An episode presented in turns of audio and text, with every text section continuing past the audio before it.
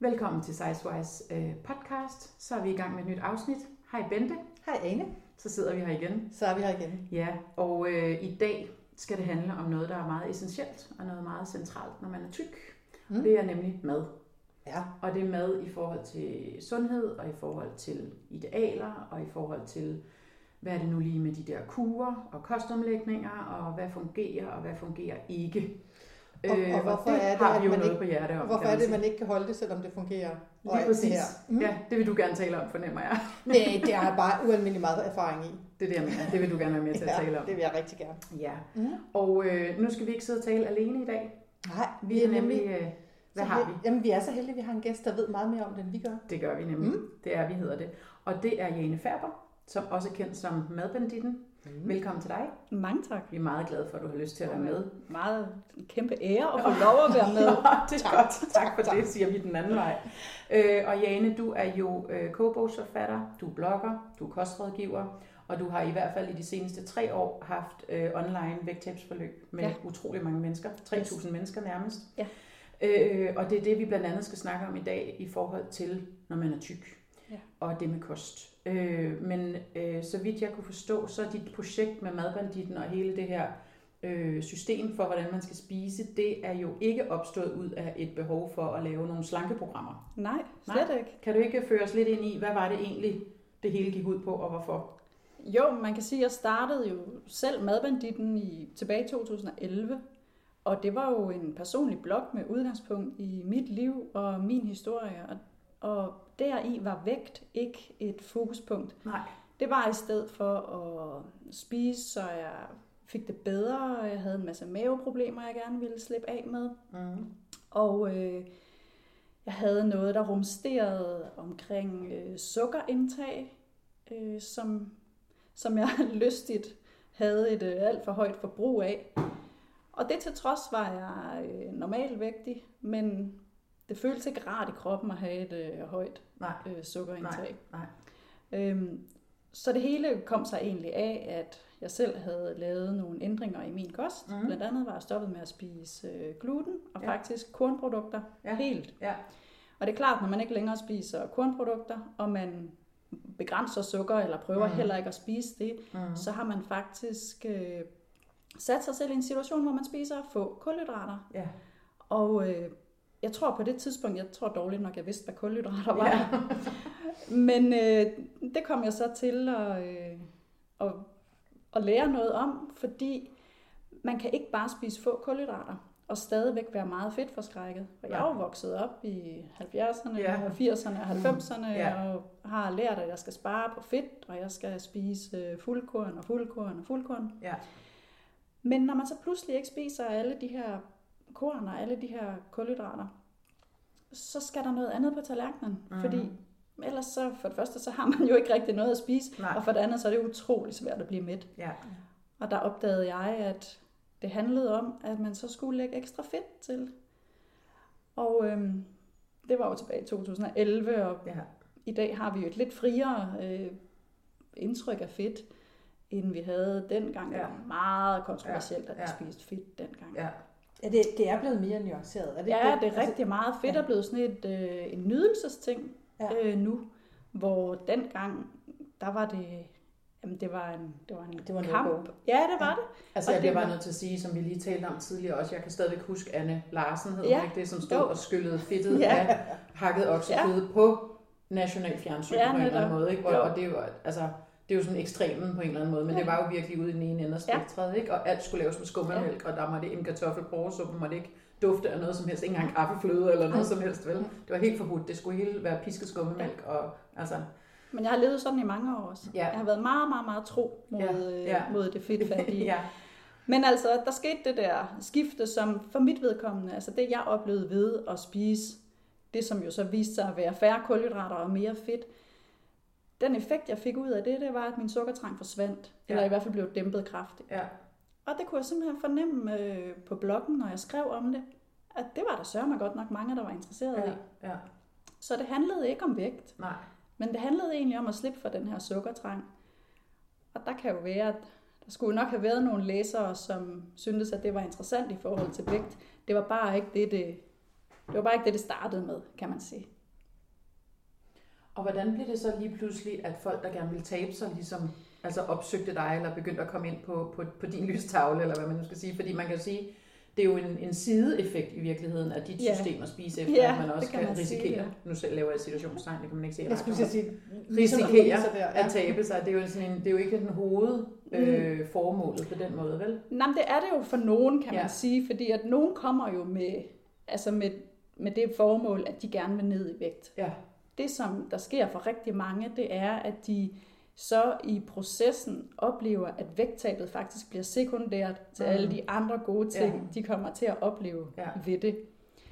Men øhm, Og hvad kan det være for eksempel?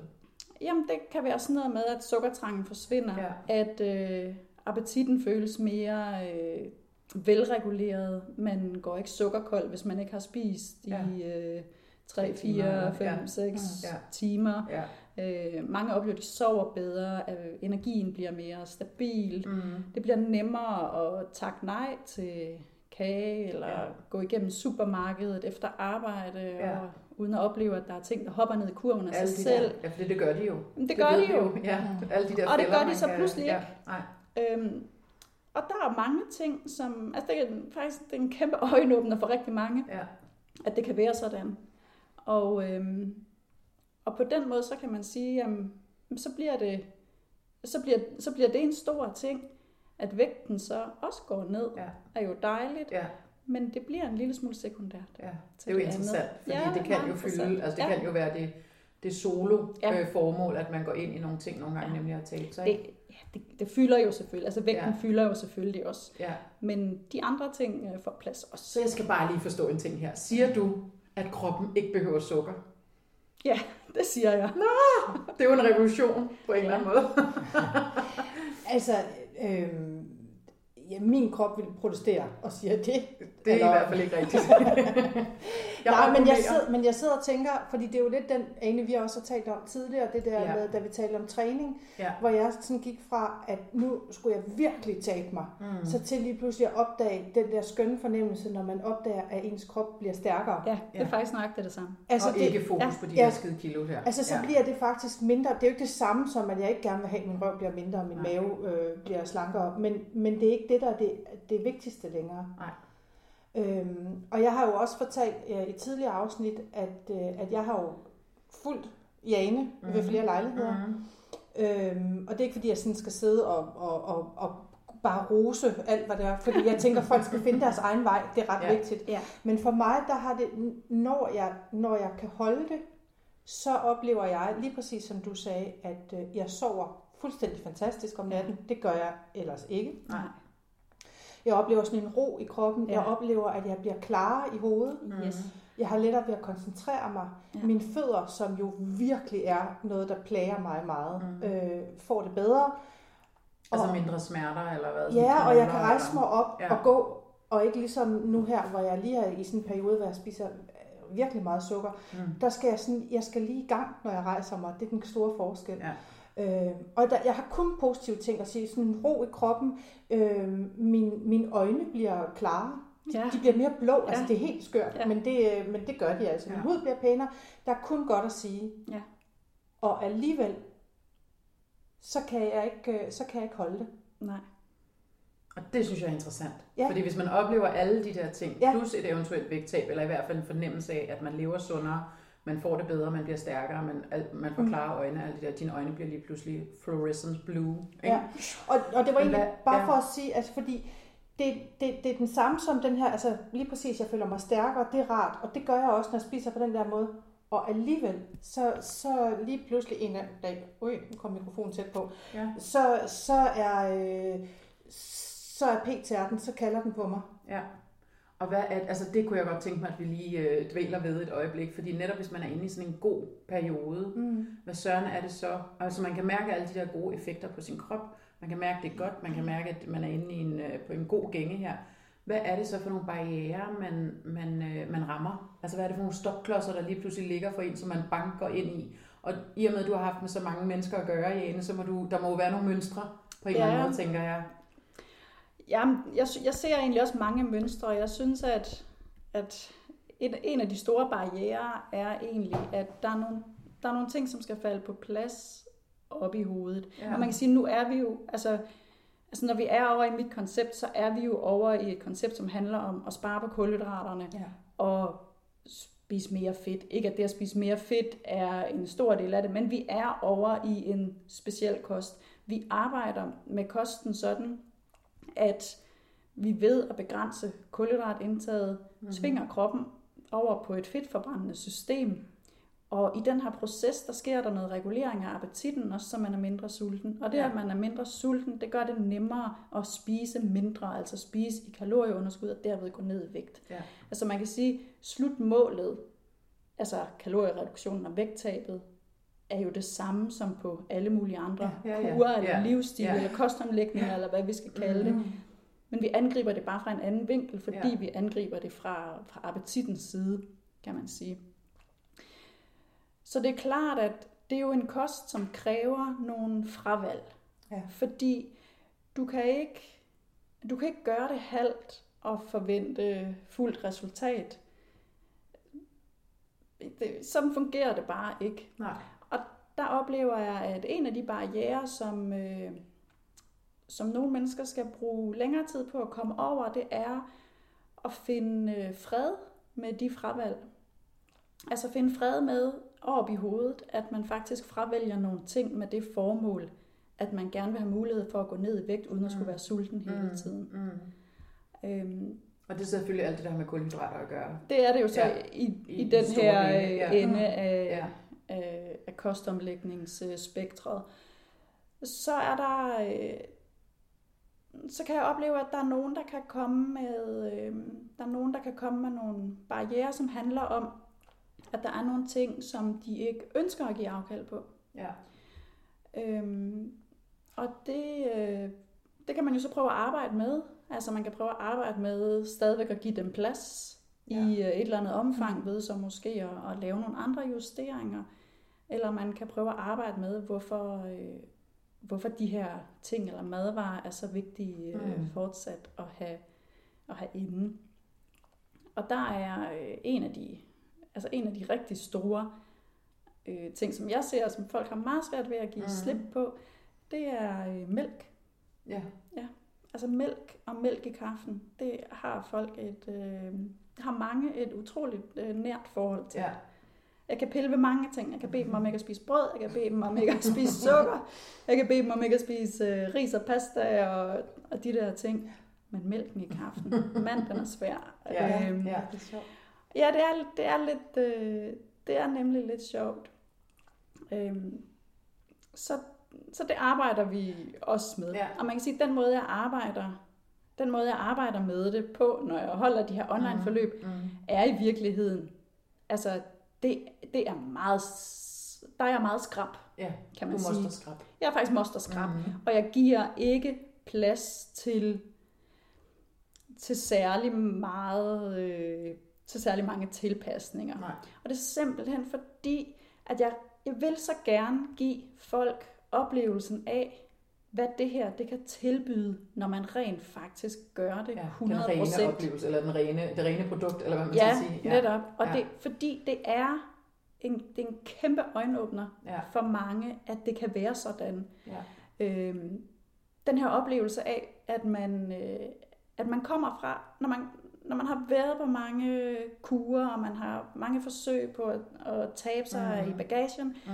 og, man så, og man er vant til at skulle regulere sit madindtag ved hjælp af viljestyrke. Det er ja. ligesom, altså det er jo hele ryggraden, ryggraden ja, ja. i en, altså det er jo bagbenet i enhver øh, kostomlægning ja. eller slankekur, ja. hvor det som, når folk de kommer med den her med den her i bagagen med, at man skal regulere sit indtag med viljestyrke, og så pludselig kommer de over, og de kommer over de første uger, hvor der kan være sådan lidt øh, brok fra mm. kroppen, imens mm. den omstiller sig mm. til fedtforbrænding. Og pludselig så kommer de til mig og siger, at jeg kan, kun, jeg kan simpelthen kun spise to måltider om dagen, og det er mm. okay. Mm. Mm. Kan jeg spise for lidt? Ja. ja. Øhm, hvad sker der, hvis jeg spiser for lidt? Så ændrer det sig ja. rigtig meget. Ja.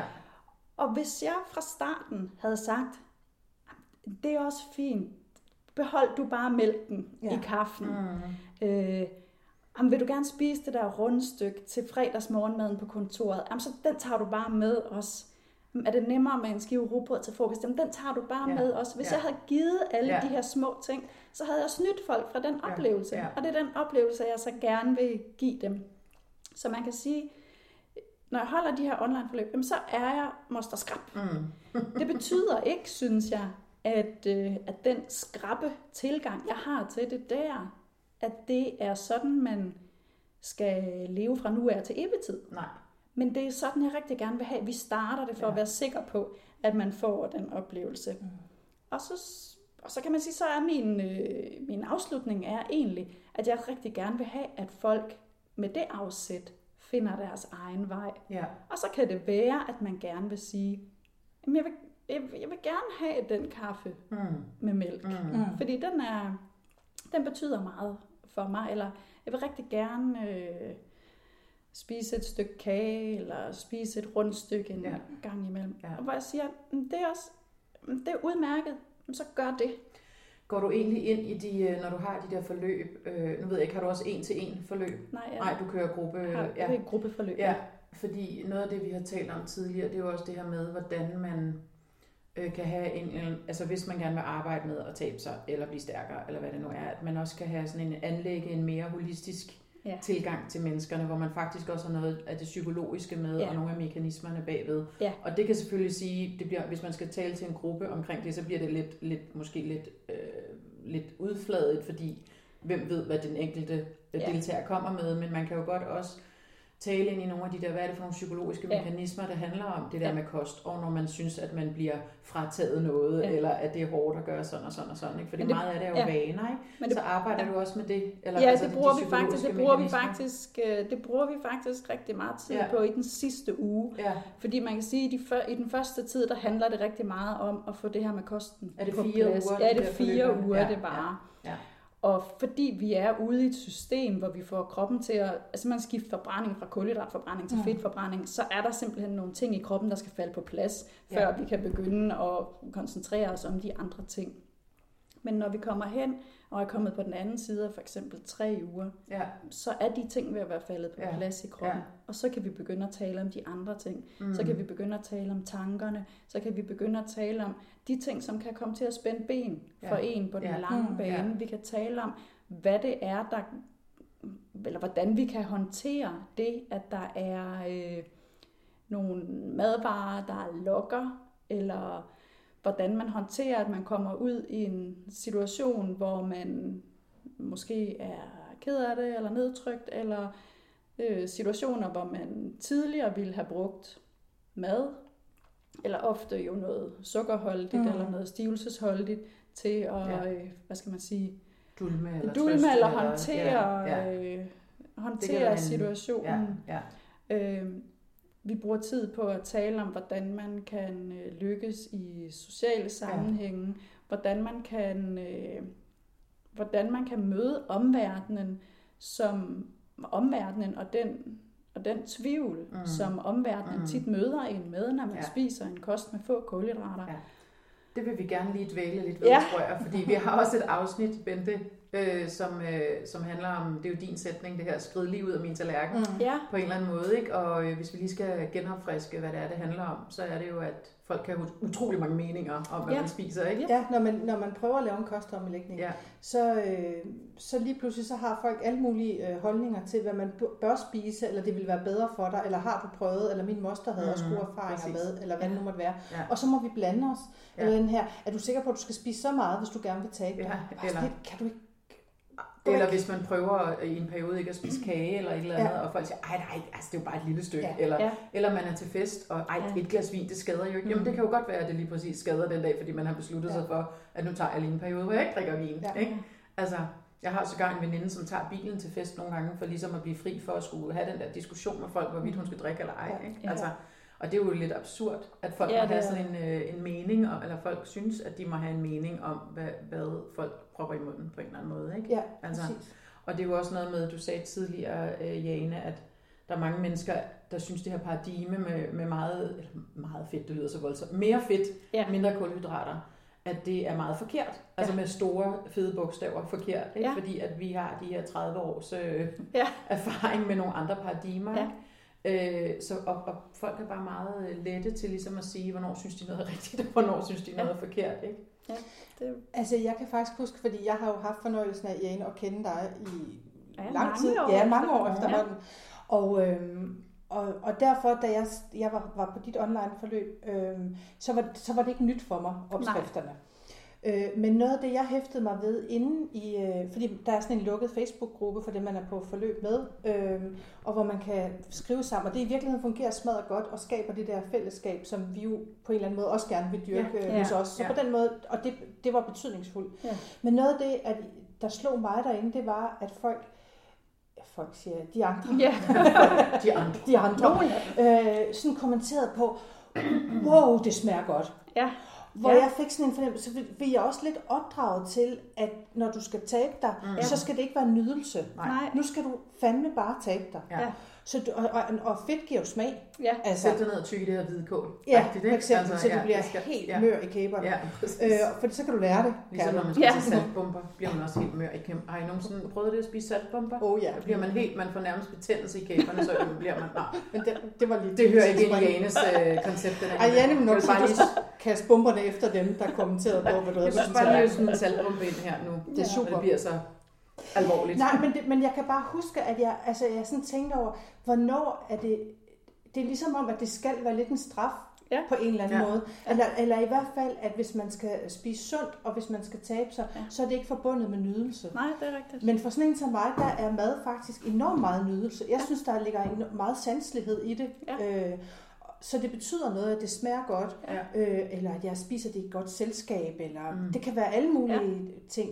Men det kan jeg bare huske, det slog mig derinde, hvor jeg sådan tænkte, men, men hvad stammer det fra? Men det stammer nok fra den gang, hvor vi skulle skylle farsen under Ja, vandhænden. og det der med, at man på kur, når man, så lever man på en eller anden måde i en askese, ikke? Jo. Altså, så skal det være nærmest en munk, der er gået op i et kloster, som kun lever Du kunne have af- være med altså, at spise så meget før. Ja, så nu Nu du betaler du det. så prisen, Ja. ikke? Ja. Ja.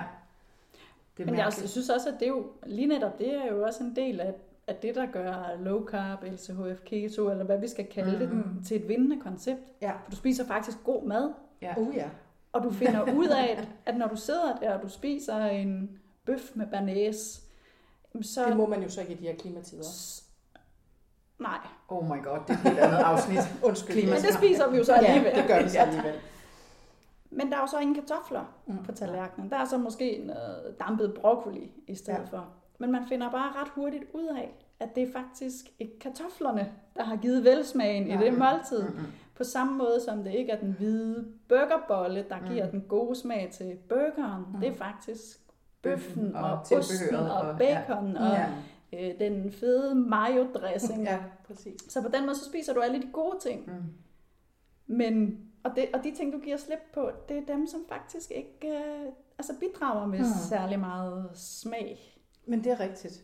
Men ikke desto mindre, nu vi taler om den der skrive af min tallerken, så underholdt jeg med lige inden vi gik i gang her også, at der er også sådan en hop ud af min indkøbskurv, men den Ja. synes jeg er svær, fordi når man så er, altså spiser low carb, så er det jo lige præcis øh, ikke skummemælk, men fløde. Ja. Det er den fede ost, og ikke den der, der, der 6%, smager som ja. ostæg Ja. ja. ned i en klam kælder. Og det er den fede og det er alle de her ting. Og når så står man den her indkøbskurv, der er godt fyldt op med Ja, alt procenterne. muligt, Ja. så kan jeg Ja. i hvert fald godt stå i køen og tænke, og tænke, kan vide, hvad de andre tænker. Ja. Ja. Ja. Og jeg ved godt, at det tænker de også, når jeg står der og ikke spiser LCHF og har fyldt kurven op med p-tærter Ja. og alt muligt andet. Så tænk, men på en eller anden måde, så virker det ikke så forkert. Altså der er for mig i hvert fald stadigvæk noget med det her med fedtet, Ja. øh, som jeg er rigtig god til at spise, men som jeg på en eller anden måde, er, som stadigvæk er en lille smule skamfuld, når jeg Ja. står der i køen i... Øh, og sådan, så jeg har også fortalt om det før, Mm. hvor jeg sådan får lyst til ligesom bare at sige højt, Nå, om det, altså, det er fordi, jeg er på kur. Ja, jeg skal bare lige vide, altså, altså rigtigt, jeg gør det her, Ja. det er ikke Og jeg forkert. spiser altså ikke kulhydrater. Nej, så bare råbe det ned gennem netto-linjen der sådan, jamen det er fordi, jeg er på kur. Men om jeg prøvede det også i kantinen øh, forleden dag inde på arbejde, hvor der, altså, hvor der bare virkelig ikke var, der var masser, der var pastasalater, der var alt muligt blandet op med, med alle mulige kulhydrater, og jeg tænkte, nu skal jeg altså virkelig i gang, fordi som sagt, jeg har det meget bedre. Så, men så var der æg, og der var nogle andre ting, og så tænker jeg, så nupper jeg det, og Ja. noget salat, og en kæmpe klat mayo fik Ja. jeg så altså kravlet ned på tallerkenen, ja. som jeg viser nu her med hånden, Ja. hvordan jeg næsten svang den op på skulderen. Ja. Og lige der, så tænkte jeg, åh, hvad tænker Hanne nede for beholderiet, der sidder lige ved siden af mig. Ja. Og når jeg sidder her med min, øh, med min kæmpe klat mayo, Ja. altså, det er svært at være ligeglad med, hvad folk tænker. Ja. Ja, det er da sindssygt svært. Altså, Ja. hold nu op. Det er jo meget det, alt det her i det hele taget handler om. Det er jo altså de fordomme, som mm. vi prøver at bryde med nogle af de her samtaler, men som vi også selv ligger under for. Og det må også være et issue i forhold til de mennesker, der opsøger dig med henblik Ja. på vægttab. At de møder, Ja. øh, jeg vil gå ud fra, at det er nogle af de samme ting. Det er sikkert ikke rocket science. At Altså den skamfulde, Ja, ja, den skamfulde ja. ved at købe fedt og spise Ja. fedt. Mm. Jo, Ja. den hører jeg rigtig, rigtig tit. Også fordi det har vi jo tit forbundet med tykke mennesker på en eller anden Ja. måde, om de spiser, de Ja. spiser pomfritter med mayo, eller de spiser ja. whatever. Øh, øh, og det synes jeg bare er, øh, altså det, det er bare interessant, altså det bliver vi ved med at vende tilbage til, det ved jeg godt, men jeg synes bare, det er interessant, det der system, vi har fået bygget op Ja. omkring, hvad er det for nogle fordomme, Ja. man har, bevidst og ubevidst, ikke? Jo, men du kan også sige, det, det er jo også fordi, at det giver, altså det lyder jo så rigtigt at sige, at fedt feder. Ja. Altså, Ja. du har fedt på din krop, som du gerne vil af med. Hvorfor skal du så spise mere Så skal fedt? du ikke spise fedt. Ja. Altså, det lyder så logisk. ja. Og det andet er modsætninger, fedtet på kroppen, og så til den grønne salat uden dressing, ja. og alt det der, og skyllet, ja. Ja. skyllet hakket Ja. kød og sådan noget, ikke? Skummemælk. Ja. Ja, så det Så- så... tænker man automatisk, det må have en modvirkning på ja. En eller anden måde, ikke? Præcis. Men hvis man gerne vil af med det der fedt på sig selv, så skal man ind og have gang i fedtforbrændingen. Ja, og man kan sige, det er jo, altså, det er jo he- selvfølgelig heller ikke sådan, at man bare skal vælte fedt i sig, Nej. som om der ikke var nogen dag i morgen, Nej. og tro, at fedtet på kroppen så på mirakuløs vis smelter af sig. Nej. Men man kan sige, at vi bruger fedt strategisk Ja. i fravær af kulhydraterne til at skabe et stabilt blodsukker, Mm. En bedre fedtforbrænding, som giver en meget bedre appetitregulering. Det er slet ikke uvandt, eller vil længere sige, det er ikke uvandt, det er fuldstændig normalt, at når man spiser sådan her, så kan man gå i 6 timer uden at spise, og uden at føle sult, mm. og uden at øh, blive utilpas eller dårlig, eller miste Ja, så man koncentrationsevne. stabiliserer blodsukkeret på en helt anden måde, end når du spiser mere kulhydrat, ikke? Jo, Ja. og fordi vi får gang i den her gode fedtforbrænding, Ja. altså vi, vi gør kroppen, vi træner kroppen til at mobilisere energi fra kroppens egne fedtlagre Ja. også.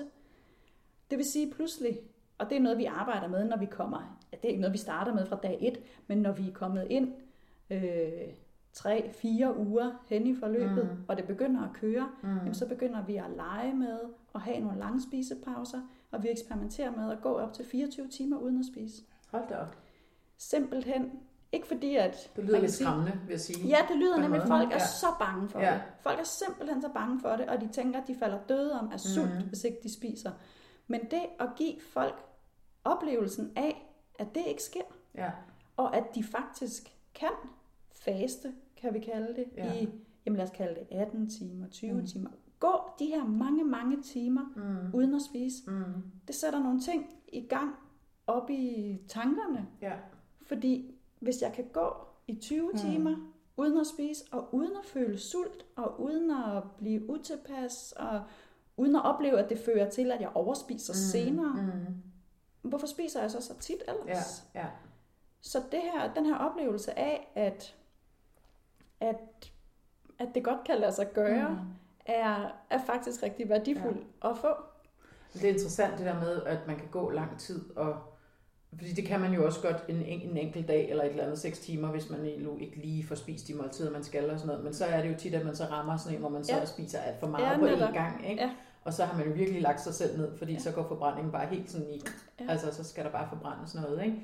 Øh, så det er, jo, det er jo interessant. Jeg kunne godt tænke mig lige at spørge ind til, og det ved jeg ikke også, da du var på forløbet, hvad med, Mhm. hvad med motion og sådan noget i forhold til, fordi det siger man jo også tit, som man, de store øh, kloge mennesker, men det har jo også en indvirkning på fedtforbrænding.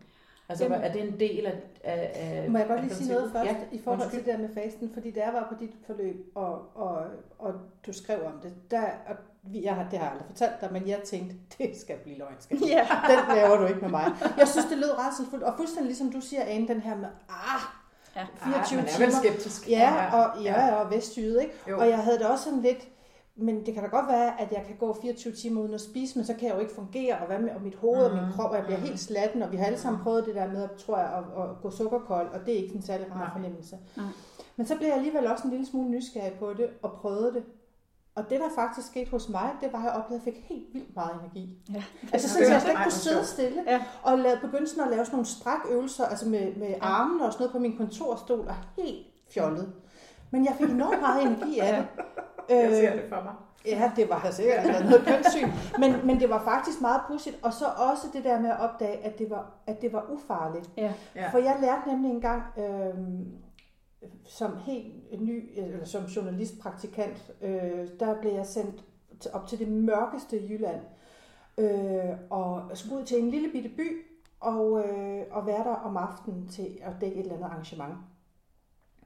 Og så var jeg så bange for, at jeg ikke fik mad nok, så jeg Ja. ligesom ærnede, så skrabte jeg mad til mig undervejs. Hver gang jeg kom til en banegård eller et eller andet, så købte jeg lige en sandwich, eller, og så købte jeg lige et stykke chokolade, sådan så jeg havde tasken, fordi man ved jo ikke, og jeg vidste ikke, hvornår jeg kom hjem igen. Og, Og man ved jo aldrig, om der findes mad ude i udørken ude i Jylland, Nej. eller hvad prøver du at sige? altså nu kommer jeg jo selv derfra, så det ved jeg godt, at der gør, Det det. men det var den der angst for, Ja. at hvis nu Ja. jeg ikke får, og hvad nu hvis jeg Ja. bliver sulten? Og sådan Ja. noget.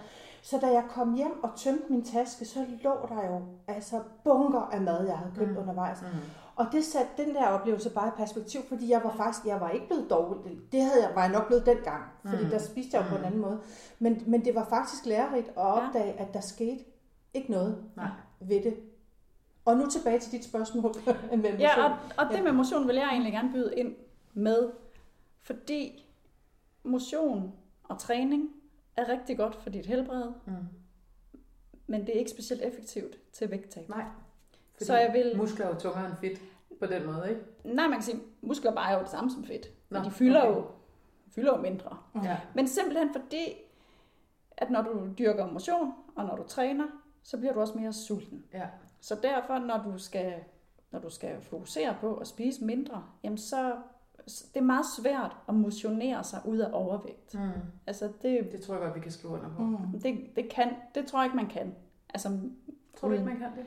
Jo, selvfølgelig vil du kunne finde nogen, der kunne det. Ja. Men studier viser, Ja. at, at, det ikke et, at at træne mere er ikke et effektivt Nej. vægttabsråd. Hvis du løber, altså lad os sige, du, at du træner dig op til at kunne løbe Mm. en hel time, Mm. hvad forbrænder du så? 600 kalorier Ja, eller sådan noget. jeg. Det er to snickers. Ja. Mm. Altså, de er jo spist Mm. på 5 minutter, Ja. så du er nødt til at have kosten i spil. Ja. Ja. Så jeg vil rigtig gerne have, jeg vil rigtig gerne have, at man træner og at man motionerer, men man skal gøre det for at få en sund krop Ja. og en stærk krop. Mm. Ja. Men vægttabet skal findes på tallerkenen. Ja. Så man kan sagtens gå ned i vægt Ja. Uden at træne. Og det som jeg, op, jeg arbejder med mange mennesker, som kommer med meget, meget stor overvægt. Mm. Altså som vejer 30, 40, 50, 60 kilo Mhm. for meget. Skulle jeg bede dem om at løbe en time hver dag? Det er jo, Mm. det er jo urealistisk. Mm. Så vi får styr på maden først. Der er, ja, vi tilbyder et træningsprogram også, man kan Ja. følge. Ja. Men rigtig mange vælger at, øh, at gemme det til En senere. gangen på en eller anden De måde. tager simpelthen øh, kosten først. Det som så sker, når man slipper af med de her kilo, og man pludselig har tabt 20, 30, 40 kilo, så får man lyst til at bevæge sig Ja. mere. Ja. Ja. Og så kommer de og siger, okay, Mm. nu har jeg tabt så mange kilo. Nu vil jeg gerne i gang med noget træning. Hvordan starter jeg? Ja. Hvad, hvad skal jeg kaste mig over? Ja, og så, hvilken betydning har det så for det, jeg Og skal så- spise? og så tager vi den, øh, Ja. og så tager vi den derfra. Ja. Men jeg synes, det, jeg synes, det er rigtig vigtigt, at vi starter med maden, fordi Så det er der, det store detox, slag skal stå. sige sådan. Ja. Altså, ja. og det, det er de vaner. ja. Men det, det tror jeg, du har fuldstændig ret. Altså det tror jeg er indiskutabelt. Men, men jeg tror alligevel, at jeg på en eller anden måde så er lidt anderledes. Men det er fordi, at for mig, der, der, altså, der hænger det, der er min malighed for stor. Så når først jeg har været nede og træne, Ja. så skulle fanden stå i, Ja. ikke også at spise sundt. Ja. Så, Jamen, det er selvforstærkende, det er Ja. helt sikkert. Ja, og der er også et eller andet, den der velvære, ikke mens jeg træner, for den er der sgu næsten aldrig, men når det er overstået, ja. øh, så den der sådan gode fornemmelse i kroppen, den har jeg så ikke lyst til at ødelægge med dårlig mad. Nej. Og det er jo voldsomt, altså Ja. en voldsom selvtilfredsstillelse, det der med, at man har været nede og træne, man kan mærke, at ens krop er blevet banket igennem. Det er en Ja. god fornemmelse, ikke? Jo. På en eller anden måde. Altså, Jo, og bare det der med at være kommet fået afsted. brugt sin krop, og ja. Ja. Men jeg synes også, jeg, kæmpe fan af træning, og jeg Ja. synes, at alle skal træne alle, alt det, de overhovedet vil og kan. Men jeg synes bare, det er rigtig vigtigt at sige, at du behøver det ikke. Nej. Fordi jeg, jeg svarer på rigtig mange spørgsmål fra folk, der Mm. siger, at jeg vil rigtig gerne være med, eller jeg vil rigtig gerne spise sådan her, men jeg har et eller andet med min ryg, eller med min knæ, eller med min ben, eller med Mm. et eller andet, og jeg kan altså ikke træne. Nej. Nej, det er lige meget, Fordi man tror automatisk, at det er en del af Du kan sagtens være med alligevel. Ja. Og så Ja. kan det være, at de der problemer i ryggen, de ændrer sig undervejs. Ja. Ja. Ja. Og at du så begynder. Ja. Og det kan også være, at nogle af de problemer, du har, er relateret til, at kroppen bærer rundt på flere kilo. Ja. Mm. Og når du så ikke gør det længere, jamen så kan vi begynde at tage træning der giver sig selv på en eller anden måde. Og så synes jeg sådan en ting som hverdagsmotion. Altså fordi en ting er at tage ned i fitnesscenteret Mm, mm, ja. og træne, men det er super fint. Men hverdags, hverdagsbevægelse, synes jeg er helt vildt undervurderet. Ja. Og alle kan gå en tur, Mm. eller Jamen, cykle en tur, Eller eller tage trapperne. tage eller trapperne. Føler for. Ja. eller, eller bare bryde de her lange Mhm. perioder, øh, de her lange stillesiddende perioder Ja, op. det er rigtigt.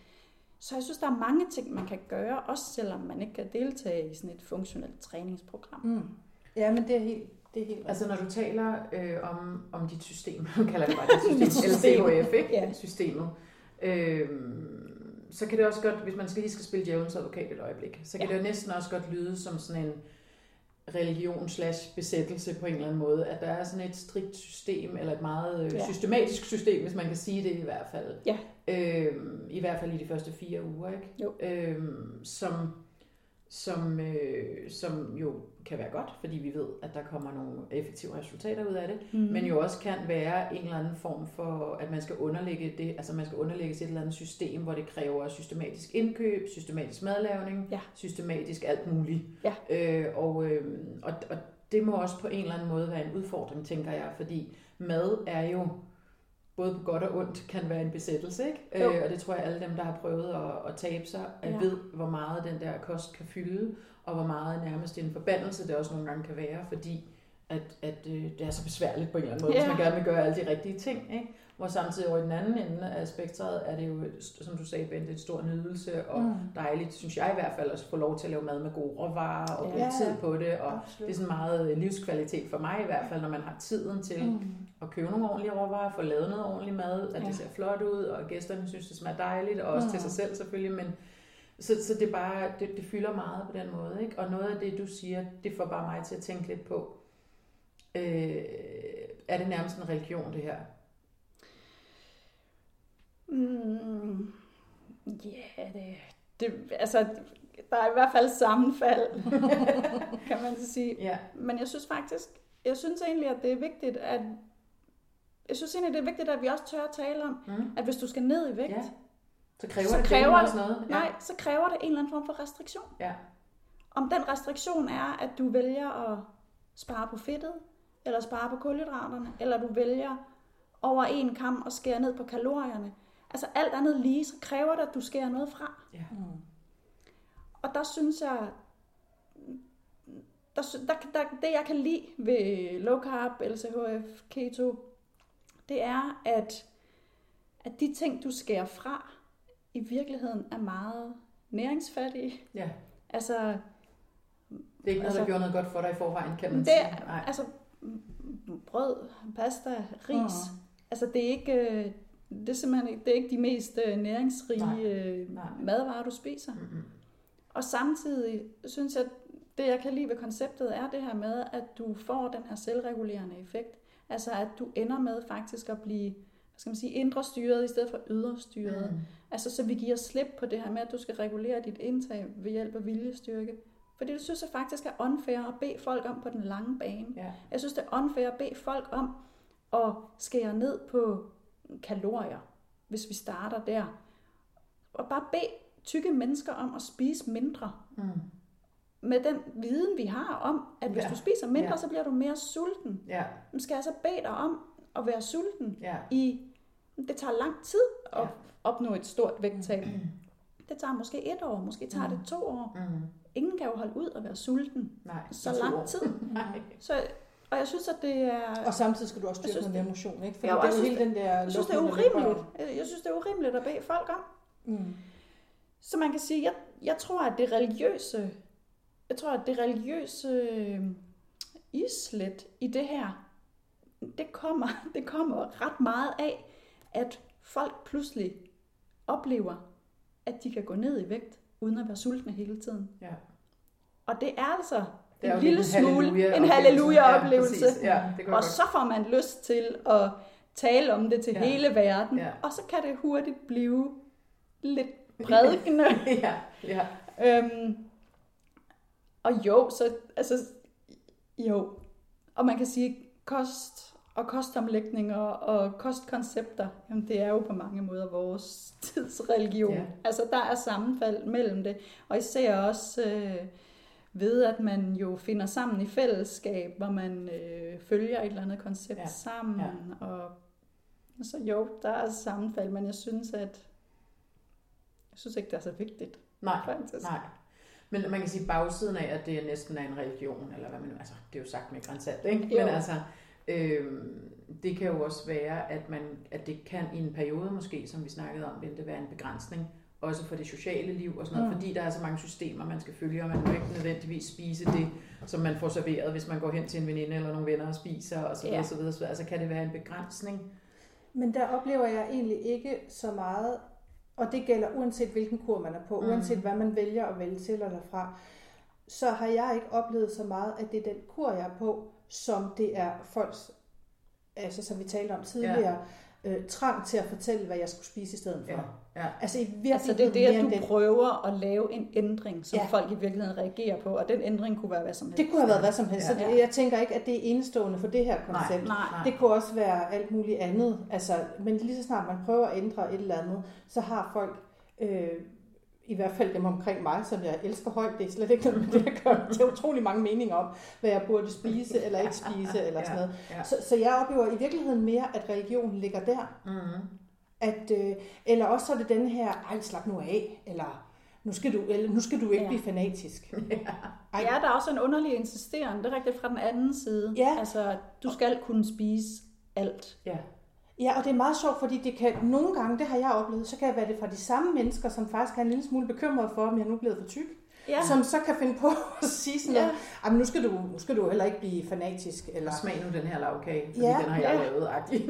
ja, fordi jeg, og jeg anerkender fuldstændig, at det er fordi, at nogle mennesker også lægger enormt meget kærlighed i det mad, de laver Mm. til mig og serverer for mig. ja. Og når jeg så siger nej tak til det, så er det jo også en, så, så afviser jeg dem på en Ja, eller anden måde, hvor ja. jeg prøver sådan at sige, "Nå, det er bare, det er bare, dit, det det er bare dit smørbrød. Ja. eller din kage, eller Ja. ja. hvad det nu måtte være. Men, men så i virkeligheden, fordi da jeg var øh, på, på forløbet, der havde jeg det sådan, jeg, det kan ikke være rigtigt, at jeg skal sidde inde i 28 dage Nej, og ikke komme ud. Bag lukkede døre. Det kan godt være, at jeg bliver slankere, men jeg bliver i hvert fald ikke lykkeligere. Nej. Så jeg insisterede ligesom på at gå ud og så prøve at finde min egen vej. Og jeg synes egentlig, det er ret nemt at spise, altså det er ret nemt at gå ud og finde et eller andet, jeg kan spise. Ja. Mm. Men jeg synes, folks kommentarer kan være svære. Ja, det er svært. Ja. Ja. ja, det synes jeg. For man kan sige, kød og grøntsager, det bliver der, det bliver der næsten altid serveret. Ja. Øh, så jeg oplever det heller ikke som svært. Jeg oplever det ikke som svært at spise ude, Nej. eller rejse, eller... Men det er rigtigt, at man skal, Men, men de der altså, man skal lytte til meget. Ja. ja, man skal kunne tage Og så meget er det, og nu er vi tilbage til der, hvor vi egentlig også startede, så er der stadigvæk den der fordom med, med fedtet. Ja. Altså, er du nu helt sikker på, at det er sundt? Så hvis de nu, lad os sige, første skridt er, at de accepterer, at du prøver at gøre et eller andet og Mhm. lægge din kost om, men så vil det være nemmere for dem at acceptere, hvis du så har spist salat. Ja, det tror jeg. Altså, det fordi er. det er ja, i høj fordi det er det, vi ligesom, har lært, øh, vi skal. forbundet med, at Ja. det er sundt, og det taber Ja. man sig af, og så Ja. videre, så Ja. videre, ikke? men ikke en bøf med Nej, eller nej. hvad det nu måtte være. Gudskyld ikke. Nej, uha, Nej. det er farligt. Ja. Kogt torsk og broccoli. Ja, Mm, det ved man er. Ja, Ej, det jeg, ved man. jeg hader kogt broccoli. Iu. Øh, jamen, det har jeg virkelig blevet allergisk over for det, altså fordi jeg boede i Canada på et tidspunkt, og der fik jeg utrolig meget sådan noget øh, dampet broccoli med sådan en mærkelig ostesauce på, som de altid sådan en cheddar. Det lyder ellers meget Mærkelig Ja, ost. jeg synes heller ikke, det lyder helt skidt. men, men, men jeg synes bare, ja, det er jo faktisk meget et koncept, ikke? Altså øh, dampet broccoli med ostesauce over, what's not to like. Nå, men jeg tror bare, jeg fik øh, overload af det, så jeg, øh, jeg- jeg har bare sådan allergi over Nu ved jeg, hvad jeg skal have til aftensmad. Ja, jeg sidder også og tænker, det lyder sgu da ikke så tosset. Men jeg, jamen, jeg kender godt det der med, at man kan få for meget Ja, af, af Jeg spiser eller andet. gerne alle mulige andre grøntsager, men lige broccoli, der har jeg det bare sådan, ah, nå. Men øhm, jeg kunne egentlig godt tænke mig at høre, fordi du har jo ikke selv kæmpet med vægt Nej. på den måde. Hvad er egentlig dit syn sådan på, på tykke mennesker. Det er jo sådan svært at skære Ja, nu skal du over passe en på, for du sidder sammen med to, ikke? Jo, Så men det er jo i det, nej, du ved, hvad jeg mener. Altså, det er Ja. svært at skære folk over en kamp på den måde, men, men hvad er egentlig din sådan... Du ser jo tingene lidt med nogle andre øjne, fordi du ikke selv har været i den Ja. konkrete problematik. Ej, hvor er det pinligt. Øh, Det er så pinligt. så oplyse, at det er Bentes, og det var Bentes telefon, der ringede. Jeg skal lade være med at sige, hvem det var, der ringede. ja, det skal du. Men øh, det var ikke mig, der ringede. Nej. Det håber jeg ikke. Det ville Det var være virkelig mærkeligt, Ja. hvis det var. Øhm, men, men du ser jo ligesom øh, tingene fra et andet perspektiv, Ja. fordi, altså det, det går jeg ud fra, det tillader jeg mig at antage, ja. at du gør, fordi du ikke selv enten sidder i situationen og er tyk og gerne vil tabe dig, eller har været i situationen. Ja. Og jeg siger ikke, at man ikke kan arbejde med de her ting, uden selv at være der. Altså sådan er det slet ikke, men, Nej. men jeg tænker bare, at der må være nogle andre refleksioner, eller et andet blik, eller, eller også er der ikke. Altså, what do I know? Jamen, jeg synes faktisk et langt stykke hen ad vejen, at, at det er der ikke. Altså, det er ikke sådan, at, øh, at jeg ser et tykt menneske på gaden og tænker, øh, du er nok tyk, fordi du ikke spiser keto. Altså, Nej, altså, nej. altså sådan tænker jeg ikke. Altså det, eller du er nok tyk, fordi du gør noget forkert. Altså, så, sådan tænker, det tænker Nej. jeg ikke. Nej.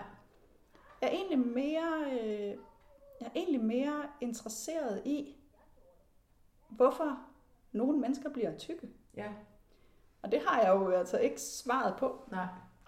Øhm, Hvad mener du, når du siger det? Hvorfor nogle mennesker? Altså, hvad, hvad er det, der sker? Eller hvornår bliver de det? Eller, altså, hvorfor er det, de bliver det? Ja. Altså man kan sige, I har jo talt om det øh, mange gange i, Mhm. mm. i jeres podcast, men at når man er tyk, så bærer man jo sin, øh, jeg ved ikke engang, hvad jeg skal kalde det, sin, sin lidelse, eller sin last, eller sin mm. sygdom, eller man bærer det jo ud på kroppen, Mm. hvor jeg har oplevet, når jeg har lyttet til jeres tidligere afsnit, at der er mange af de tanker, I beskriver, som jeg synes slet ikke isolerer sig til tykke mennesker. Ja. Jeg kan fint relatere til ja, det. ja. Og Bente og jeg har talt om det mange gange i løbet af årene, også i forhold til sukker og Mhm. sukkerindtag. Og den her, øh, altså, den her følelse af at være sukkerafhængig, ja. altså den her følelse af, at sukkeret, eller, eller om det lige er sukker, det ved jeg ikke, men bare, lad os bare kalde det sukker, at det har sådan en eller anden magt ja. øh, over en, at der er noget øh, kontroltab forbundet med det. Man øh, beslutter sig for, at man vil spise mindre af det, og i stedet så spiser man mere af det. Men det gælder jo ikke kun tykke mennesker. Og hvorfor er der så nogen, som bliver tykke, og nogen, Mhm. som ikke gør? Mm. Det synes jeg egentlig øh, det synes jeg er interessant. Jeg tænker øh, sådan, ikke når jeg ser et tykt menneske, men når jeg sådan tænker på overvægtsproblematikken mm. generelt, Mm.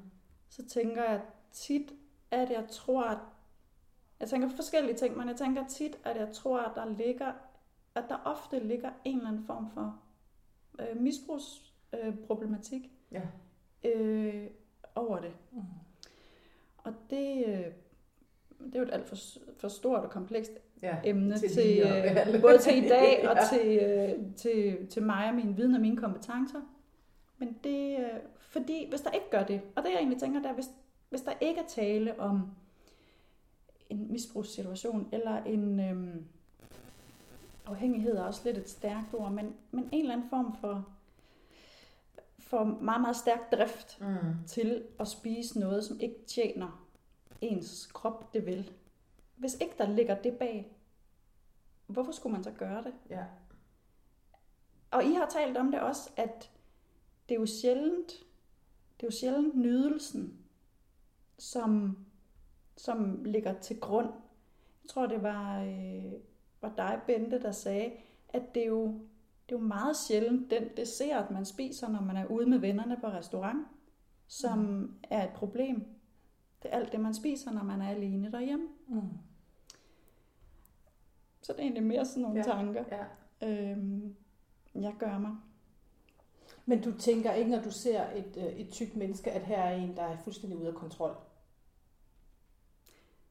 Altså, jeg, altså jeg bruger ikke, jeg, nej, jeg dømmer faktisk ikke. Øh, Og når jeg spørger, så er det fordi, at det er en af de der fordomme, vi prøver at punktere. Altså, at det ikke handler om, at tykke mennesker bare ligger derhjemme med hånden nede i en pose chips og cola og uden at røre sig. Altså fordi det er en af de der, øh, når, når du er tyk, så har du, så Ja. har du ikke kontrol over dig selv. Ja.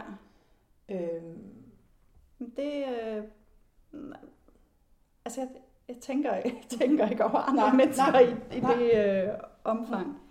På samme måde som jeg heller ikke tænker, hvis jeg ser en, som er slank, så tænker Mhm. jeg heller ikke, øh, wow, hvor du der er en, har, der har kontrol. du har styr på det. Eller, Ja. Nej.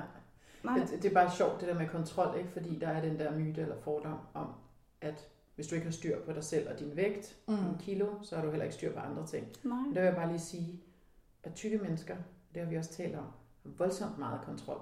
Fordi at vi skal kontrollere alle situationer i forhold til ikke at falde udenfor på en eller anden Ja. måde. Ikke? Altså hvis du går ind i en bus, det har vi snakket om, Mm. så sørger du for at stille dig, så du ikke er i vejen, eller du ved ikke at blive sådan et emne for, når der står også en og fylder der, eller Ja, Altså, og det der med kontrol, man gennemtænker situationer, hvad Ja. sker nu her, hvad, hvis der sker det, så kan jeg gøre det. Altså, og alt sammen ubevidst, Ja. langt hen ad vejen. Ja, ja. Ikke? Men det er bare fordi, vi har begyndt at lave det her projekt, så kommer alt det, vælter jo bare ud, når man begynder at snakke om det på Mm. en eller anden måde, uden man måske selv vidste, at Ja. man havde det sådan.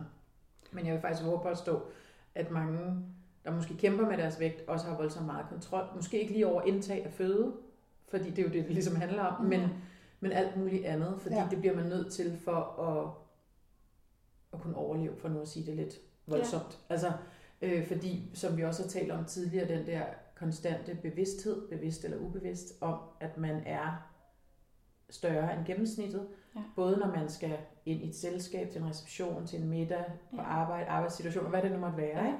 Så på den måde tror jeg bare, at der er ret meget øh, kontrol Mm. i virkeligheden. Så Ja. ja. det er først egentlig nu, at det går lidt op for mig, når vi sidder og taler om de her ting. Mm.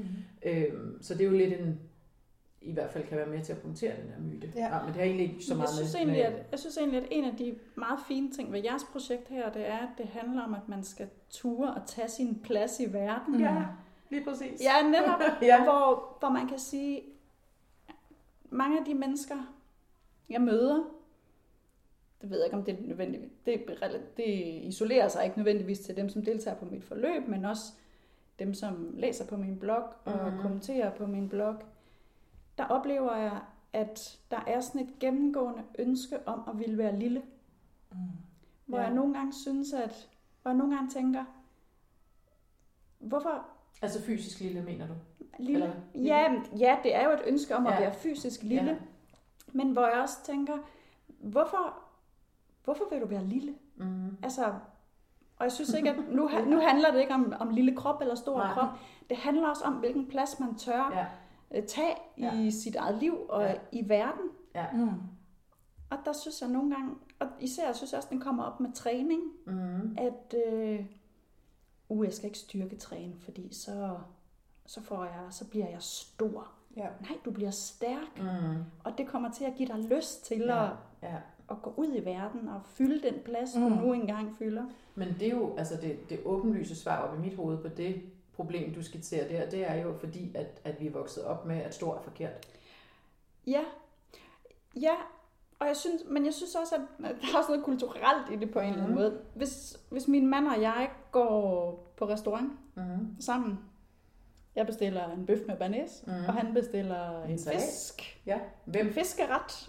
Og det er en anden end den, der har taget bestillingen, der kommer med maden. Nej, næsten uanset hvem det er, Okay. der så kommer med maden, så stiller de fisken over hos mig. Ja. Så der er sådan en, øh, og jeg synes, det hænger lidt sammen. Mm. Det der med, at, at damer skal være sådan nogle, nogle små, kvinder skal være sådan nogle små nogen, og vi ja. skal sidde der med nogle små portioner salat. Så det der med, at du sætter dig, og du, du tager din plads, og du bestiller bøffen, fordi det er den, du helst vil have, og du bestiller banæssovsen mm. til, og jamen, det er sådan en, jeg synes, det er sådan en, det er sådan lidt en, en manifestation på en eller anden måde, af at jeg tør godt at tage min Mm. plads. Prøv at høre, jeg sad engang, super nu kommer der en anekdote, en anekdote, som ligger fuldstændig op af det. Jeg, jeg var med en veninde i New York engang, øh, og øh, så går vi ind på sådan en videre jetlag, vi skulle ind og have noget at spise, og så hjem og sove.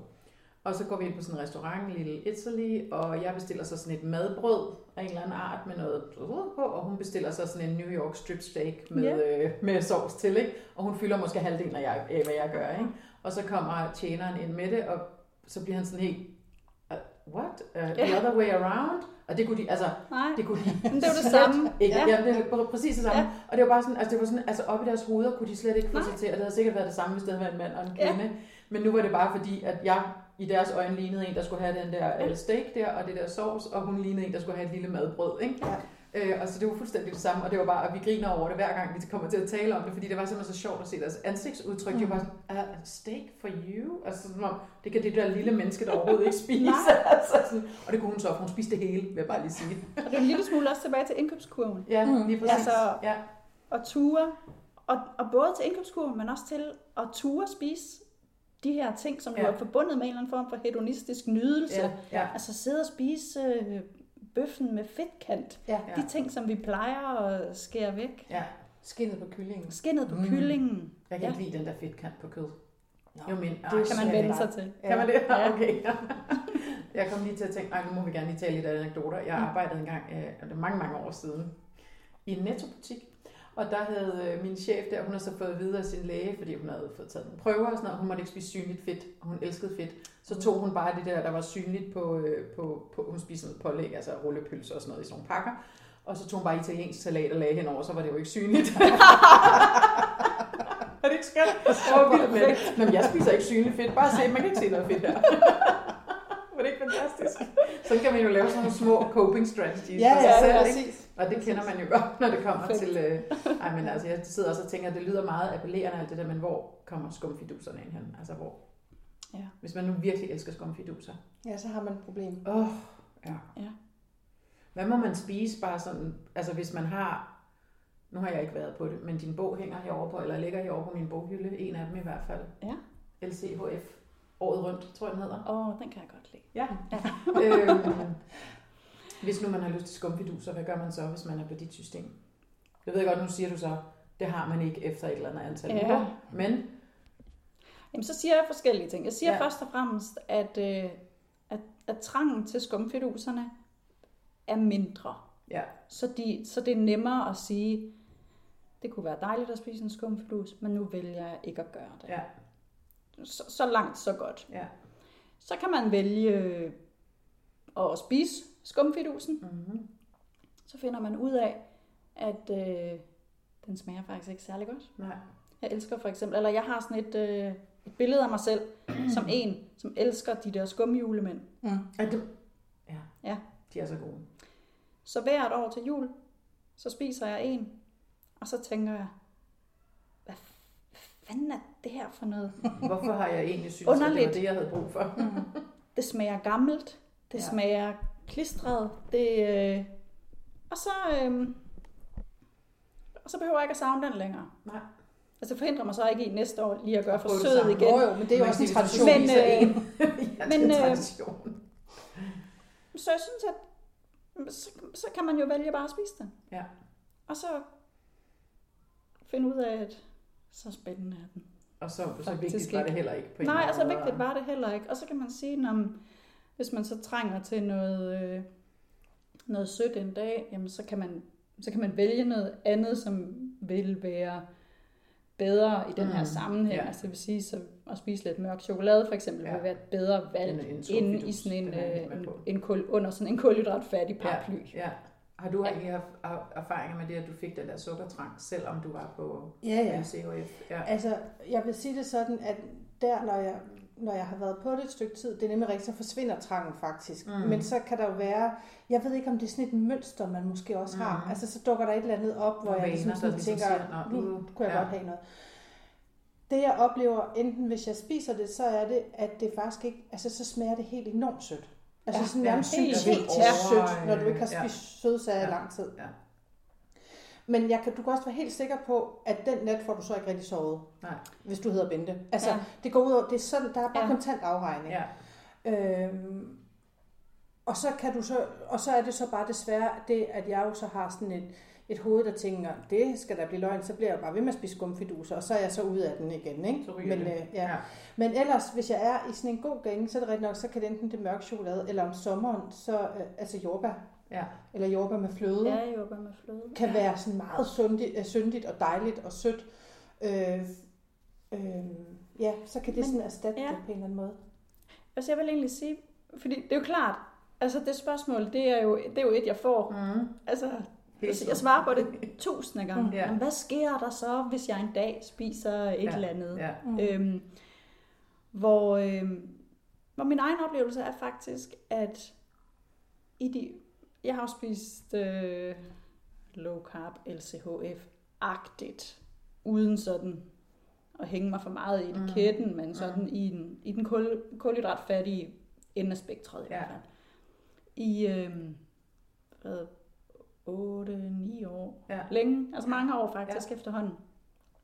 Og min oplevelse var faktisk i de første øh, mange år, at, øh, at så synes jeg, det havde store konsekvenser, mm. når jeg så engang imellem valgte mm. at spise noget sukkerholdigt, mm. eller jeg gik til fest og drak schusser, mm. eller, eller øh, jeg spiste en is på ferie, mm. eller når jeg valgte de her ting til, så oplevede jeg øh, altså søvnen helt sikkert øh, ja. haltet, men jeg oplevede også, at jeg simpelthen fik trang til at spise flere kulhydrater og spise mere Ja. ja. sødt. Og det var en trang, som var meget, cirkel, gang det var en trang, som var meget stærk. Ja. Altså en vidderlig, en Mm. fysisk trang til at spise mere af det, og det var en trang, som kunne vare i 3-4 dage, som jeg så skulle altså, holde ud for ligesom at komme øh, Ja, til systemet Tilbage. ligesom igen. Ja, ja. Og der er bare nødt til at sige, at øh, sådan oplever jeg det ikke længere. Nej. Og jeg, jeg har virkelig, virkelig prøvet at finde ud af, hvad er det, der har gjort forskellen? Fordi jeg kan jo spise en is med min familie, når vi er på ferie, eller en dessert på restaurant, eller hvad jeg nu Mm. vælger. Og jeg oplever ikke, at det gør hverken til eller fra. Jeg kan stadigvæk opleve det med søvnen. Hvis jeg har spist for meget sukker, så sover jeg dårligt. Ja. Og det er sådan en ting, det ved jeg. Ja. Og det, øh, og det er jo generende. Men det der med, at jeg føler, at jeg skal mobilisere viljestyrke i dagevis, for ikke at blive ved med at spise øh, sukker eller flere søde sager, sådan har jeg det ikke længere. Åh, Og det jeg- gad jeg godt at komme Og jeg ved, så har jeg tænkt på, øhm, har det noget at gøre med stress, at jeg ikke er stresset, men jeg har masser af stressede Mm. perioder Ja. stadigvæk. ja. Det er ikke Øhm, der, du føler trangen nødvendigvis til at Så jeg, øh, så jeg ved, jeg ved simpelthen ikke, øh, hvad der har gjort forskellen. Jeg ved ikke, om det er fordi, måske jeg er bare blevet bedre til at bare trække på skuldrene og sige, øh, nå, nå. Men det sad jeg nemlig lige at tænke på, fordi hvis man er en lille smule som mig, så har man nemlig også den der, nå, men så har det jo hele alligevel også ødelagt. ja. Så så, kan kan jeg jeg jo lige så godt bare spise resten Ja. af posen. Og så får ja. den jo simpelthen en over nakken. Ja. Med alt det, jeg så lige pludselig, som jeg faktisk ikke har savnet Ja. i to måneder, Ja. men lige pludselig så savner jeg bare knækbrød med Ja. ost og Ja. alle mulige mærkelige Mm. ting. Og, så bliver, og det bliver meget hvidt mad. Altså Ja. så bliver det nemlig lige Ja. præcis Ja, øh, pastaen, og, ja. som jeg faktisk overhovedet ikke har savnet. Ja. Men det er ligesom om, og jeg ved ikke om det er sådan en, altså Får man åbnet for en eller anden sluse eller et eller Ja, andet, som jeg har ved ikke, været hvad det er, men der er også en eller anden straffunktion i det. Ja, For mig, tror jeg. Ja. Altså, så er det sådan en, nå, så det kunne du heller ikke, så kan det også bare være lige meget. så kan du bare Ja. forgifte din krop med alt det her sukker her. Ja, jeg eller ved ikke, altså, jeg ved simpelthen ja. ikke, hvad det er, det handler om, men, men, men jeg kommer ikke bare, for jeg vil ønske, at jeg så kunne sige, nå, så har jeg spist den her skumfidus, den smagte jævnt godt. Jeg tror ikke, jeg når dertil, hvor jeg tænker, at den smager, altså det skal man sgu aldrig sige aldrig, men, men for gammel og lidt kedelig. Men, men, Så det har jeg også lidt svært ved at genkende. Men okay. Men, men hvad hedder det? øh, Men man når dertil, og så siger man, mm, nu har jeg smagt det, og så Ja. går vi bare videre, som om Ja. ingenting var sket. Men jeg laver nemlig den der sådan straffefunktion. Nå, men så kan det også være det helt lige meget. Ja. Nu har jeg Ja. ødelagt det. Ja. ja. Og Det så er Den bliver er det jo også meget farligt. klassisk, kan man sige. Det er selvfølgelig farligt, fordi det er jo klart, jo mindre man spiser af kulhydraterne, jo bedre er det, hvis man først når dertil. Ikke? Jo. Men så hvordan søren kommer man så lige tilbage on track igen? Ja, hvis så man er så det går jo... hos dig, så kan man få hjælp Ja. til det, eller hvad? Eller sådan, har du folk, der falder i, eller Ja. undervejs? Ja. Hvad- hvad- Hvordan hjælper du dem så hen? Hen på sporet igen? Eller op på Jamen sporet igen? egentlig, egentlig ikke, ikke andet, end at vi bare siger, træk på skuldrene Og sige, og kom op på tilbage igen. ja. Og så synes jeg, at, øh, at der, hvor jeg synes, at mange, når de så skal tilbage igen, altså efter sådan et tilbagefald, hvis Mm. vi skal kalde det det, Mm. så er der mange, der siger, okay, nå, men nu skal jeg så tilbage igen, så nu skal det være endnu striksere. Ja. Så nu skal jeg spise næsten ingen kulhydrater, og jeg Ja. skal virkelig spare på kalorierne, fordi Mm. jeg overspiste Jamen, også det det der i går. det der og jeg skal motionere helt vildt meget. Mm. Og der siger jeg faktisk noget andet. Der siger jeg hellere, Og der vil jeg hellere, at du i de kommende 3-4 dage, hvad der nu skal til, spiser lige så meget, du overhovedet vil, af kød og grøntsager og fedt. Mm. Er du sulten, så spiser du. Ja. Men vi styrer det, der ligger på tallerkenen, men du skal ikke være sulten i de dage. Nej. Du skal simpelthen spise dig mæt. Ja. Og hvis det betyder, at du spiser dit ligevægtsindtag i kalorier eller mere, men det er lige meget. Fordi lige nu handler det om at komme tilbage til det sted, hvor du oplever igen, at den her ro i kroppen kommer, ja. og at, at, du, at appetitten igen normaliserer sig. Så gør det ikke, og så, mængden lige er lidt større Nej, så i nogle pyt med dage. det. Men så, så ja. kan du stille og roligt, når du mærker det, så kan du stille og roligt begynde at sige, okay, så kan, kan det være, at jeg skal skære Ja. en lille smule ned igen, og måske giver det helt sig selv, fordi at man er mindre sulten og Mm, derfor spiser mindre. Men jeg vil meget hellere have i de dage, at man spiser for meget af det rigtige, Mm. end at man sætter sig selv i sådan en ekstremt restriktiv situation, Som sådan straf. så man Ja. faktisk gør sig selv til et nemt offer for Ja. at tage endnu en dag med flere kulhydrater, Ja. og endnu en dag. Så Ja. man isolerer hændelsen, kan man Ja, sige, ja, til, øh, til den ene dag, og så kommer man videre, ja. og så er der ingen skade sket. Altså. Hvad er egentlig dine, øh, nu skal vi snart til at runde af, men hvad er egentlig dine øh, vigtigste sådan, erfaringer, eller måske ovenikøbet anbefalinger til, til tykke mennesker? Fordi det er noget af det, vi har talt om, synes jeg, Bente. Det er også det her med, at det kan godt fluktuere meget eller ændre sig meget. Man kan være inde i en periode, hvor man gerne vil gøre noget rigtig godt for sig selv, og Ja. enten spise rigtig sundt mm. og motionere, og så er man måske også inde i nogle perioder, hvor man ikke fokuserer lige så meget på det, og spiser mere Ja. Mindre af det, af det, af det, mindre af det gode og mere af det dårlige. Ja. Øh, og ikke nødvendigvis i forhold til LCHF, men i det hele taget. Mm. Ja. Øh, også med motion. Man kan være inde i en god periode, Ja, ja, ja. ja. en spiral, og man kan være inde i en dårlig periode osv. Jamen, det gælder med alt, og så kommer man for sent i seng. Og Ja, Ja, ja, ja, og så bider det sig så får man sukkertrang, og så ja, bum, bum, på bum, og så er man lidt ked af Ja. det, og så tænker man, hvordan kan jeg komme ind? Altså, der er Ja. mange, altså Ja, alt er don't get us started, men, Ja. men hvad er egentlig dine sådan, bedste ja, erfaringer slash anbefalinger? Jamen, det, er jo nø- altså, det er jo et eller andet sted, hvis jeg skal give nogle, nogle gode anbefalinger, så, så bliver det jo i forhold til at, at tage hul på det her med lavkulhydratkost. Mm. Mm. Altså, fordi det er jo, det er jo der, jeg synes, Ja. at At der er At- noget at hente. ja. Ja, ja, både det, men også det der, hvor jeg virkelig har noget at byde ind Ja, med. Altså ja. ja. nogle erfaringer at byde ind med. Og der synes jeg, at, at mit bedste råd til dem, som har lyst til at, øh, at prøve det, det er faktisk den samme strategi, som jeg lige nævnte, mm. i forhold til at, øh, at komme tilbage efter et tilbagefald. Mm. Det er simpelthen at ture spise nok. Ja. Fordi jeg tror, at mit indtryk er, at det også tit er tykke menneskers problem. Ja. Altså, at de faktisk spiser for lidt. Og fordi de spiser for lidt, så kommer de til at spise for meget. ja. Så jeg vil faktisk hellere, at vi lægger ud med at spise meget eller for meget af det Mm. rigtige, så vi kommer godt i gang. Og når så, altså så vi taler faktisk om en ad libitum kost. ja. Altså så jeg siger, spis lige så Mhm. meget du vil Af de rigtige ting. af de rigtige ting. Ja. Det er ikke sikkert, at man går ned i vægt på det. Nej. Nogen gør. Ja. Altså fordi nogen, selvom de, spi- selvom de føler, at de spiser lige så meget de vil, så kommer de faktisk alligevel til Fordi de at spise kulhydraterne ud. Ja. kalorieunderskud, Ja. Mm. og så går vægten ned. Men selv hvis den ikke gør, Mm. så synes jeg, at det er der, man starter. Så spis så meget du vil af kød, grøntsager og fedt. Mm. Og når du oplever så, at den her ro indfinder sig, eller appetitten regulerer sig, så kan man begynde stille og roligt, enten bevidst at skære lidt ned, eller måske giver det helt sig selv, at man kommer Ja, til at spise ja. mindre. Men jeg synes, at det er, at man skal faktisk, at det er en god ting for at få succes med, med lavkulhydratkost, det er faktisk at ture at spise. Også fordi vi fokuserer på, at man skal ikke spise hele tiden. Du skal spise måske i starten, lad os sige, tre måltider om dagen. Altså ingen mellemmåltider. Men så hellere spise nogle solide måltider. Ja. Altså vi vil gerne have den her, bum, nu rejser jeg mig fra bordet, og jeg føler mig bare midt. Ja. Og nu kan jeg køre i, jeg ved ikke hvor mange timer. Og det uden, at ture og føle sig så Ja. midt, er der mange af de tykke mennesker, jeg arbejder med, Mm.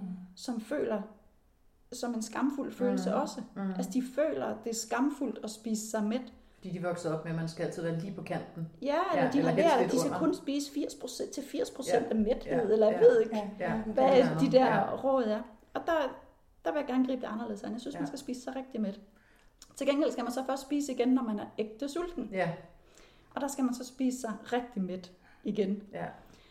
Men sådan vil jeg, øh, Ja. sådan vil jeg helst. Så man kan Du- faktisk godt, nå, undskyld. Jamen, du har også en fremragende øh, sådan en, øh, hvad hedder sådan en målstok for, hvornår man er rigtig sulten. Ja. Fordi det er, når man, når man spørger sig selv, øh, hvad er det egentlig, jeg har lyst til? Ja. Eller, og så er det den her, kan jeg spise en dåse makrel tomat? Ja. Og hvis du kan det, så er du rigtig sulten. Ja, Men- eller en dåse tun. det Altså, har du lyst til at spise en dåse tun? Ja. By all means, så spiser du bare den dåse Ja. tun. Ja, Men hvis du sidder og siger, ej, jeg vil godt have noget, og det skal være sødt, og det skal være blødt, og det skal være rart, og helst noget, jeg kan spise med ske, Skal så er det ikke sult. nej. Altså, så er det bare vaner og så er det, alt muligt så er det vane, Altså, eller sukkertrang, sociale sammenhænge med alt muligt. Ja. Ja. ja. ja. Det er altså interessant, fordi det er jo markant omvendt i forhold til det, vi er Ja, vant til at, lidt, at ja. blive indprintet. Ikke? Ja. Øh, men, men bare lige her på falderæbet, så er det jo også, altså det er jo ved at vinde meget mere ind, netop fordi også nogle af de officielle råd og sådan noget, nu også til diabetikerekost Ja. og så videre, også er ved at vinde, ikke? Jo. At man går mere og mere væk fra de der lidt løse Ja. kulhydrater over mod de der lidt mere tunge, Det gør tunge man. typer øh, i Ja. kosten, ikke? Og Det det, det, i er jo en helt anden episode, vi kan have om det, eller et Ja. andet afsnit, Mm. men det er bare interessant, at, at man også til der, hvor det er sindssygt Ja. vigtigt, endnu mere vigtigt end for så mange andre, hvordan at der bliver spist, ned. ikke? Ja, Ja. præcis. Og også hvordan man spiser, så man kan holde sig Ja. kørende, om det så er type 1 eller type 2, ikke? Øhm, vi skal til at slutte af. Ja. Allerede? Ja. Og tiden går simpelthen så stærkt. Jane, du, man kan finde dig på alle mulige... Ja, øh, det kan man, Ja, øh, det det kan man you got virkelig. it på en eller anden måde. Instagram, øh, madbanditten, ikke? Ja, jo, jeg har... Øh, altså man kan sige, der hvor, man, hvor jeg synes, man skal finde mig først og Ja. fremmest, det er jo inde på madbanditten.dk. På din hjemmeside. På min hjemmeside. Der øh, er læsestof og opskrifter til... Og det er der bloggen også er. det, der er Yes. alt, hvad man... Så der Kan kan man bruge i til hvert fald mange, i første mange omgang gå ind og, og, og, og blive mæt. Og så er det rigtigt, så har ja. jeg har to forskellige Instagram-profiler. Ja. Jeg har en, som hedder Jane Færber, som er øh, sådan en lidt semi-privat profil, hvor jeg deler mest Ja. det, jeg selv spiser, som tit bare er brunt og, og ikke, så, ikke så lækkert. Og så har Madbanditten en Instagram-profil Ja. også, Ja. med nogle pænere Med madbilleder. rigtige billeder. Og, øh, og, og, og ja, og Ja. link til opskrifter Ja, og den ja. slags. Ja. Dejligt. Og Sizewise kan man jo finde på det meget berømte hjemmeside også. Mhm. www.sizewise.nu Mhm. På Facebook, hvor vi også hedder sizewise.nu og på Instagram, hvor vi hedder sizewise underscore klog på kurver. Ja. Og så øh, vil vi lige sige endnu en gang, at når vi lægger de her afsnit ud, så laver vi også en lille blogtekst, der passer til, hvor man øh, er velkommen til at gå ind og kommentere og blande sig. Mhm. Øhm, og øhm, Jane, tusind tak, fordi du vil være med. Tak det er vi meget beæret over. Tusind tak, fordi jeg måtte være med. Selv tak. Tak for i dag.